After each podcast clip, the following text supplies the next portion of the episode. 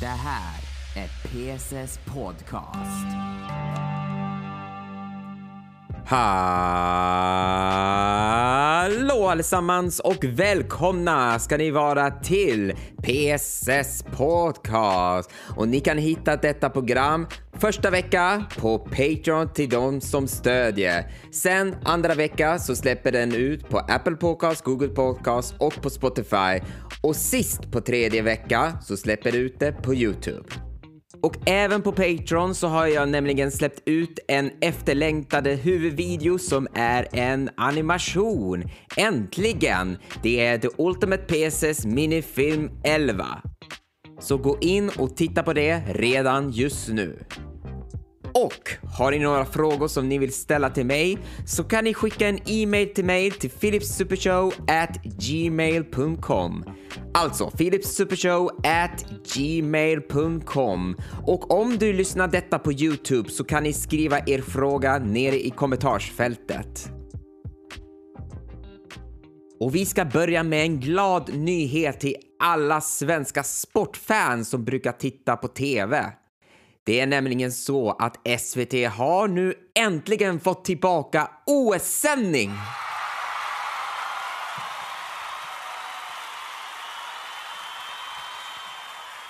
Yes, av alla år som det har visats OS-sändningar på kommersiella TV så kommer det nu äntligen att visas på public service. Och den här rättigheten som SVT kommer att börja sända är år 2026 med vinter-OS i Milano. Och den här rätten kommer att hållas ända tills 2032. Och det är en bra nyhet för att förut eh, när det har sänt OS så har det alltid visats på SVT i alla år. Men sen efteråt så har ju rätten gått ut och då har ju nämligen andra kanalerna chans att eh, få in rätten för att visa OS-sändningar. Så år 2014 när det hålldes vinter-OS i Sochi så hade ju bolaget MTG, som nuvarande heter Viaplay, rätt att sända OS. Och då visade de på kanalerna som TV3, TV6 och TV10 samt i streamingtjänsten Viaplay. Och det är just där det händer när det visar på de här kommersiella kanalerna är att eh, mitt i de här sporteventen som pågår så kan de nämligen bryta till reklam. Och det tycker vi inte om att det ska hända när vi ska titta på en pågående event. Men det är ju för att de skulle nämligen sälja de här tv-abonnemangen som vi har satt eh, eh, som man kan ju se på eventen utan att det ska bryta till reklam och eh, att det ingår via Play så man kan även se det därifrån. Sen när rätten löpte ut så fick ju Discovery stafettpinnen och eh, visade OS-sändningar och de började 2018 med vinter-OS i Pyeongchang. Och då fick man ju se det på kanal 5, kanal 9, kanal 11 och Dplay som nu för tiden blev Discovery+. Och de har ju rätten ända tills nästa år, 2024, där det kommer bli deras sista tv-sändning med sommar-OS i Paris. Så de här året som de har visat OS i kommersiella kanalerna så har vi haft mycket problem med det. Det är ju som att de behandlar de här OS-sändningarna med ett premium och att de försöker som tjäna pengar för att eh, man ska kolla på OS via de här tjänsterna. Och vi ska ta som en ett exempel utanför OS som har ju rätt att visa de här sporteventen i de här tjänsterna och det är det här Vinterstudio som visas på Viaplay. För det är så att eh, när man tittar på eh, tjänsten så är det ju inga problem, men kollar man på den linjära tv-kanalen, alltså som TV6, så är det så att mitt i loppet så bryter de till reklam. Och eh, det är inte som att de visar det som i helheten, utan vad de gjorde när de bryter till reklam är att de visar i två skärmar. Så de har livebilder vad som händer i loppet och så har de reklam bredvid. Och det tycker jag att det var ju fult, även om de visar ju de här kasinoreklam. Men jag är glad att SVT har fått tillbaka rätten så att vi kan nu nämligen se de här eh, sporteventen helt fritt utan att betala något extra. Och nu kommer jag att slänga in här för att eh, jag har ju nämligen spelat in några ämnen som ni kommer att lyssna senare. Men den här nyheten kom ju nyligen eh, samtidigt när jag håller på att spela in detta. Eftersom jag hade ju nyligen pratat om OS så har de gått ut att eh, Stockholm kommer nämligen att försöka igen att söka in att arrangera vinter-OS 2030. För det var ju så för några år sedan eh, när eh, Stockholm ansökte vinter-OS 2026 så stod det ju mellan oss och Milano. Men det gick till dem. Så nu ska vi se om vi kommer att få en chans att eh, arrangera OS 2030. Men frågan är vilken stad kämpar för en plats om OS? För just nu vet jag ingen vilka det står mellan, men det spekulerar att eh, de städerna som redan haft vinter-OS kommer att ställa upp som Sapporo, Vancouver eller Salt Lake City. Men jag tycker faktiskt att det är dags för Sverige att eh, arrangera OS. Jag menar, när var det senaste eh, vi hållde OS? 1912, alltså 111 år sedan. Så nu tycker jag att det är dags för Sverige att arrangera det. För vad har vi som inte andra länder har? Vi har snö! Vi har riktiga snö som kommer. Och därför skulle det ha varit bra att arrangera vinter-OS här. Men vi får se hur läget ser ut och de har ansökt att vi ska arrangera OS. Och nu är det dags för huvudämnen och eh, detta kommer nämligen att röra sig av filmen Avatar. Och det är för att eh, uppföljaren Avatar The Way of Water går just nu fortfarande på bio. Och jag har inte sett eh, den filmen. Jag vet inte när jag kommer att göra det. Men jag kommer verkligen att se det när jag har möjlighet. Men vi ska prata som har att göra med den här Avatar-filmen. För att jag, jag måste ju som verkligen säga det från mitt hjärta till er som lyssnar.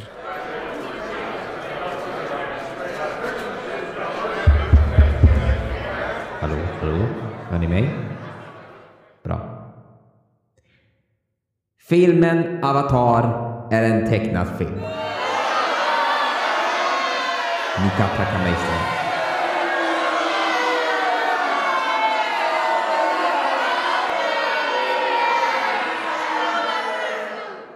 Chockerad?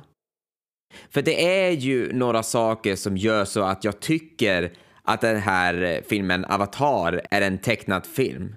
Och jag ska börja först med en backstory. De här tecknade filmer har ju funnits så länge som, ja, filmer har ju funnits. Man började det genom att man ritade på en papper och en penna. Och så hittade de en sätt att man kan få liv av det när man ritar eftersom att på en film så fotade massor av bilder. Och då kommer man ju till att man kan ju som rita varje bilder så får man ju det som man ritade ett liv. Och så blev ju tecknade film. Sen när tecknade filmer kom till så hade ju nämligen utvecklats eh, under kommande året och utökade det med mycket arbete. Så det, det var inte bara att man ritade på ett papper utan det var ju lite mer som att man skulle ju som måla en bakgrund skapa en ljud eh, för att eh, det blir ju inte roligt om det hade varit tyst hela tiden. Och färglägga den när eh, färgfilmer kom. Och på den tiden så föddes ju de här tecknade karaktärer som Musse Pigg, Tom och Jerry och Snurre Sprätt. Och nu sitter ni och undrar, vad har det med Avatar att göra? Nå, vi är inte där, men eh, vi kommer dit sen. Sen har det ju då nämligen utvecklats mer hur man gör tecknade filmer. Och så har det ju hänt att eh, tecknade filmen som visas på bio visades även på TV. Så då är det ju så att eh, filmerna som gick eh, på bio så kan de som sälja på VHS, eh, så vi kan ju nämligen se de här tecknade filmer om och om igen. Men även så skapades också de här tv-serier som Scooby-Doo, Teenage Mutant Ninja Turtles och vad som visades på Cartoon Network. Men ni frågar, vad har det med Avatar att göra? Sen, vi är snart där. Så i slutet av 80-talet så finns det ju ett bolag vid namn Pixar och de testade ett ny animationtekniken 3D-animation. Och då har de gjort eh, några kortfilmer tills 1995 så släppte de allra första 3D-animerade filmen på bio. Och den filmen var ju nämligen Toy Story. Och den blev ett succé. Så efter det så såg vi ju att alla filmer som görs använder detta teknik. Och det är inte bara tecknade filmer som eh, har det, utan nämligen alla filmer. Så det har nämligen förändrats hela filmindustriet.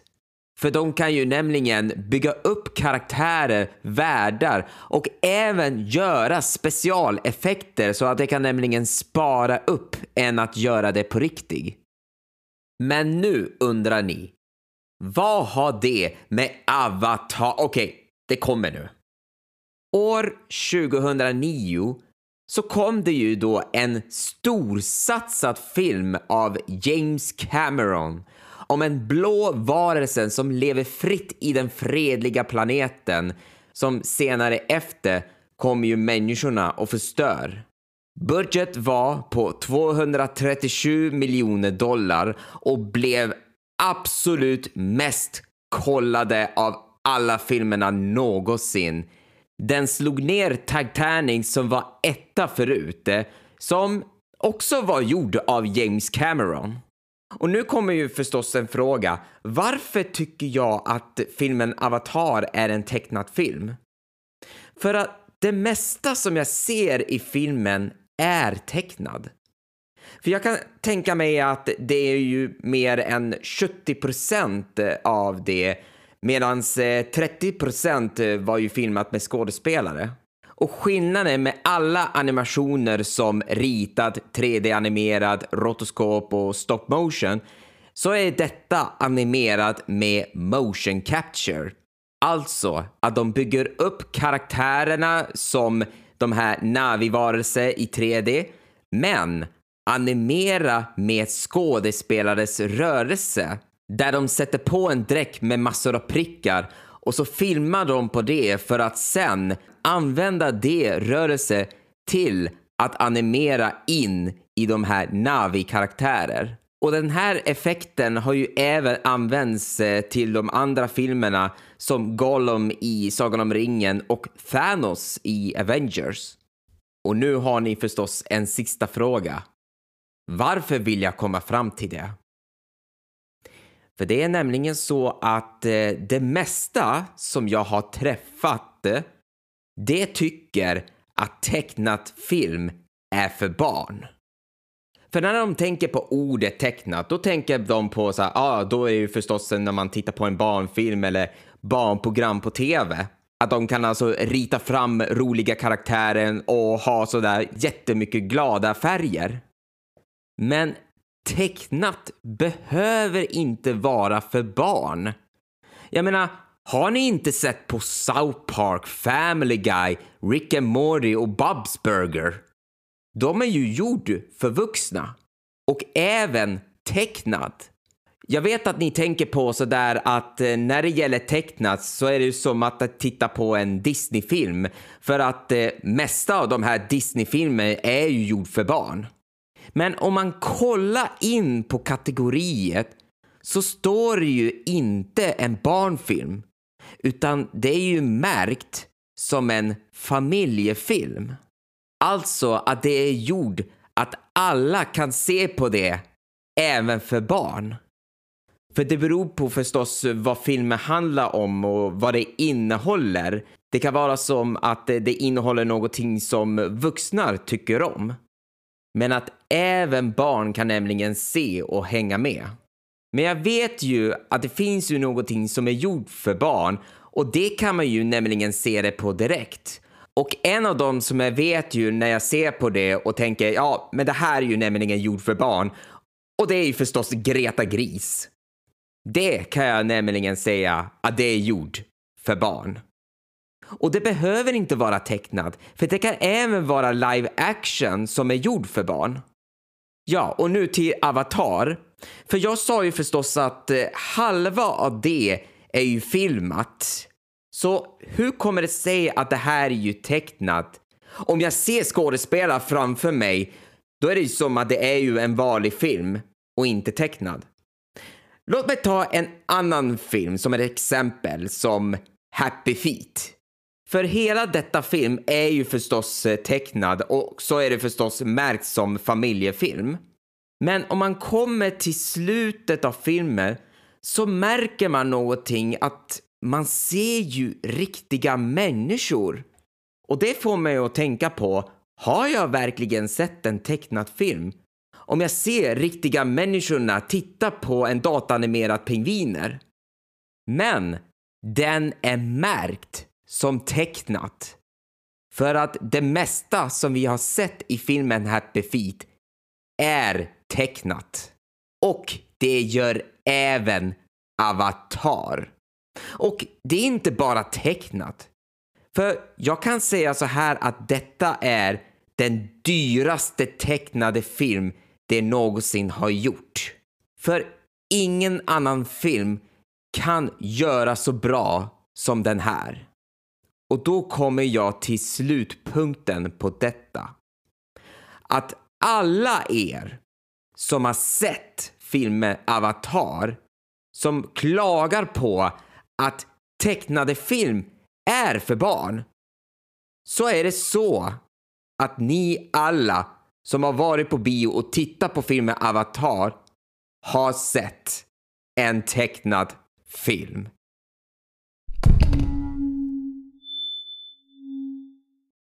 Vill du se den nyaste video före alla andra? Då kan ni gå in på patreon.com pss och stödja detta produktion med en huvudvideo per månad. Det gör du genom att välja hur mycket du vill stödja, logga in på ditt Patreon-konto och skriva in din betalningsinformation. När du är klar stödjer du produktionen och du kan redan just nu se en helt ny huvudvideo direkt från min Patreon-sida. Och du kan när som helst avsluta din stödjande när du känner det. Det minsta ni kan stödja per huvudvideo är 10 kronor och ju mer du stödjer, desto roligare rewards får du som att ditt namn dyker upp på videos som tack för stöd eller att du får åtkomst till att se bonusmaterial. Adressen är patreon.com pss och börja stödja redan just nu. Och ni vet, det finns en ny video redan ute på Patreon. Ja, nu fortsätter vi med nästa ämne. Och eh, har ni kollat upp eh, på måndagar på Femman och Discovery Plus? Exakt. För ett nygammalt program så har detta gjort en comeback. Jeopardy. Detta programkonceptet har ju funnits sedan 1964 i Amerika. Där det går ut på att man får ett svar när man ställer en fråga. Och den är ju förstås en riktig långkörare för den har ju nämligen sänt i flera år och går ju ännu. Och detta kom ju också till Sverige 1991 med vår käraste Magnus Härenstam som programledare. Så jag minns ju mycket väl när det gick på tv på vardagar. Och Magnus har ju nämligen lett detta program ända tills 2005.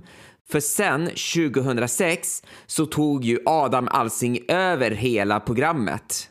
Och programmet var ju som samma, men inte lika samma sak som när Magnus ledde. Och det kan jag tänka mig eftersom att den lade ju ner år 2007. Så sen efter det så har vi inte haft Jeopardy i flera år.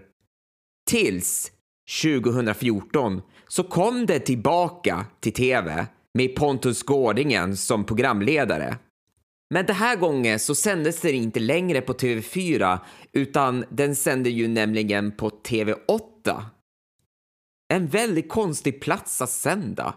Jag menar, vem är det som kollar på TV8? Jag vet att det finns, men jag vet inte hur många det är som tittar på den kanalen. Vissa kanske tittar på trean och kanske de flesta av er tittar på sexan. Men jag vet ingen som kollar på TV8. Och det kan jag ju tänka mig eftersom att det hade ju en kort period, så det var inte så många avsnitt det sändes. Så det lades ner snabbare, likadant som det var på Adam Alsings tid. Men nu i år så har Jeopardy kommit tillbaka och den här gången så sänder det på kanal 5 och på Discovery+. Och programledare är Mikael Tornving. Men det intressanta med det här programmet är att det är inte vanliga folk som eh, står och tävlar, utan det är nämligen kändisar som gör det. Och efter jag har sett några avsnitter, ja om vi ska säga två avsnitter nu när jag spelar in, så skulle jag säga att det blev ju underhållande. För det är som att eh, de pratade väldigt mycket med varandra och så bjuder de sig själva eh, när det händer att de svarar fel på frågan. Eller svar om vi ska säga det. Och så har de gjort så att det inte är två, utan nämligen tre omgångar de kommer att köra. Så då kommer de att köra den vanliga, sen dubbel och sen trippel. Och det kan jag ju tänka mig för att det är ett heltimmes program. Men en liten sak som de har ju lagt till eh, som de inte har på den vanliga Jeopardy och det är att emellan så lägger de till eh, lite intervjuer av kändisar just för att eh, höra vad de tycker och hur de känner när det händer någonting. Och det börjar ju kännas lite reality över detta när det inte egentligen är. Men då kommer ju nämligen fråga om det här konceptet funkar.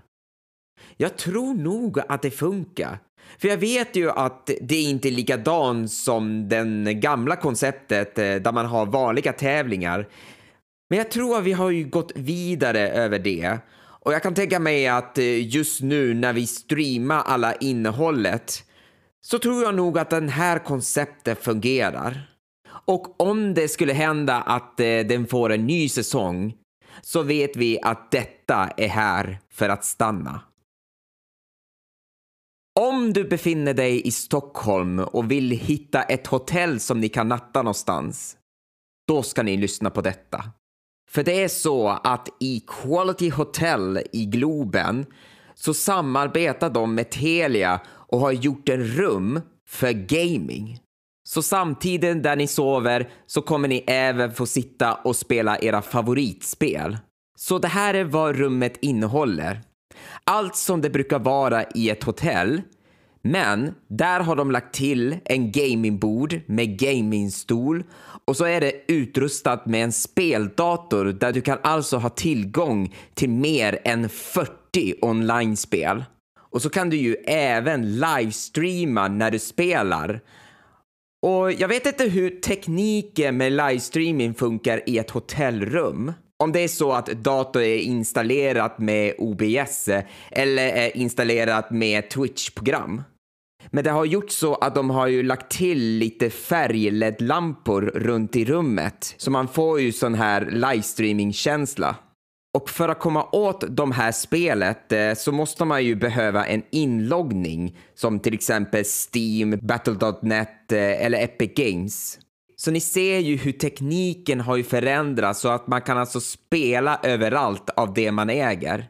Men det är inte bara i Stockholm, utan detta kommer även att utöka i Jönköping, där det brukar hållas DreamHacks-evenemang. Och så kommer ju även två hotell i Norge ha sådana där rum. Så jag tycker att det är jättehäftigt att eh, de hotell kan göra ett rum anpassat till de som gillar att gamea. Och att det har utrustat att man kan ju nämligen livestreama när man spelar. Och detta är ju Nordens första gamingrum i hotell. För det här finns ju redan på andra stället eh, och eh, en av dem finns ju redan i Taiwan eh, i iHotel. Men i det så är ju hela hotell anpassat för gaming. Där i rummet som är ju utrustat med en gamingdator. Och en rolig sak när man väljer ett kapselrum så ligger ju även en bord med datorer. Så att när du börjar vakna upp kan du gå ut från kapsel och börja spela. Men det är inte anpassat bara till de som gamer utan det är också nämligen anpassat till de som inte har ett bra internet och behöver ett ställe att surfa. Så jag rekommenderar att ni går in på Youtube och tittar på en video från Linus Tech Tips där han har varit på plats i iHotel och gjort en reportage om hur rummet är och hur dator funkar. För det tyckte jag att det var intressant av det som han visade. Men vi får nöja oss med att vi har här i Sverige ett hotell med ett rum anpassat för gaming. Och med det så går vi nu över till tv-spel och den här gången kommer det att handla om Nintendo. För det är så att deras senaste konsol, Nintendo Switch, kommer nu att bli sex år gammal. Och detta konsol har ju nu räddats sen de gjorde ju fiasko med deras eh, föregående konsolen Wii U. Och just nu så har vi sett många spel komma till Nintendo Switch. Speciellt av de här hardcore-spel som ovanligt att det finns i det. Men det kan du göra det just nu. För det är som att Nintendo har ju nämligen tänkt om att det kan inte fortsätta att eh, göra de här familjespel utan ta in de här kända First Person Shooter-spel som Doom och eh, alla de här online-spel som Fortnite, Overwatch och Apex. Så blir ju detta tv-spel inte bara för familj utan till de som är mer hardcore. Och att det inte är bara en vanlig tv-spelkonsol utan mer hybrid så att du kan alltså spela framför tv och även bärbart så att du kan spela vad som helst än hemma. Men nu kommer vi till den stunden eftersom att den är ju sådär gammal. Vad kommer härnäst? För under tiden så har vi sett tre modeller, en vanlig, en light-version så att du kan bara spela bärbart och ett OLED-modell. Men OLED var ju en besvikelse eftersom att det är ju likadant som ett vanligt switch är förutom att den har ju en OLED-skärm, mer kapacitet och ett förbättrat stativ. Men allt annat är ju likadan som den vanliga. Och det har varit väldigt mycket snack om att det skulle nämligen släppa ut ett Pro-modell. För det hade varit någonting, så då skulle vi kunna ha sett de spel som vi redan har få en förbättring. Som till exempel de spel som Fortnite, eh, Apex. Det skulle kunna ha fått ett bättre grafik. Likadant som vad Playstation och Xbox Serie X har. Men nu är det så, efter jag hade kollat upp, så ser det ut som att eh, det skippar Pro-modell och planera att göra nästa tv-spelkonsol. Och jag har några önskningar vad jag skulle verkligen vilja se Nintendo ha i deras nästa konsol. Och vi börjar med förstås vad alla vill verkligen vilja se. 4K bildformat. Ja, jag vet att det låter lite knäpp nu när det börjar hända att det ska gå över till nästa format som kommer nämligen att bli 8K.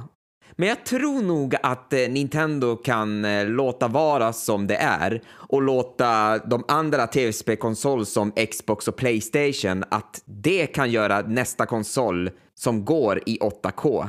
För jag vet att just nu så är det ju ingen som hinner att eh, skaffa de här 8K-TV. Blir en stor fråga hur EU kommer att klubba på det. Och nästa som jag skulle vilja se är ju bakåtkompatibilitet. För just nu med Nintendo Switch så kan jag inte spela på de här gamla spel från Wii U eftersom att de har gjort om hela konceptet på konsolen och att eh, det har nu nämligen börjat använda med kassett. Och det skulle ha varit bra om jag tänker om jag skulle kunna skaffa den här Nintendos nästa tv-spelkonsol att jag kan ha möjlighet att eh, spela de spel som jag redan har från Switch och föra över de spel som jag köpte från e-shop. Och kommer vi se om nästa konsol kommer att ta emot kassetter? Om inte, så kan de lösa med någonting som att om du äger det spelet eh, från kassett så kan du ju ha möjligheten att ladda ner samma spel från e-shop. Nästa, bättre grafik som Xbox Series X och Playstation 5. Precis som det här med 4K och 8K att det kan ju nämligen pusha grafiken som de konsolerna som finns, men att resten kommer att ha ett bättre grafik eh, när de gör nästa konsol. Sen så tycker jag att eh, de borde ju behålla den här hybridkonceptet. För jag tycker om att eh, man kan göra så att jag kan koppla upp det på tv och spela, men om jag inte är hemma och vill fortsätta så skulle jag kunna ta ut det och spela det bärbart. För det har ju nämligen hjälpt mig nu när jag reser ju till Finland varje sommar och eh, jul. För då har jag ju hela tv-spelkonsolen med mig. Sist så tycker jag att det här borde de verkligen ha. Och det är att släpp de här målversionen som finns till Switch som en riktig spel. För jag vet ju de här målversionen av spelet eh, har ju nämligen nått över den här gränsen med grafiken. Och då går det ju inte att spela det som Switch har. Därför har de gjort så att man streamar det spelet. Men med det så tycker jag att det är riskabelt om jag skulle köpa det. För vad händer om servern skulle läggas ner? För då försvinner ju det här spelet som jag har köpt.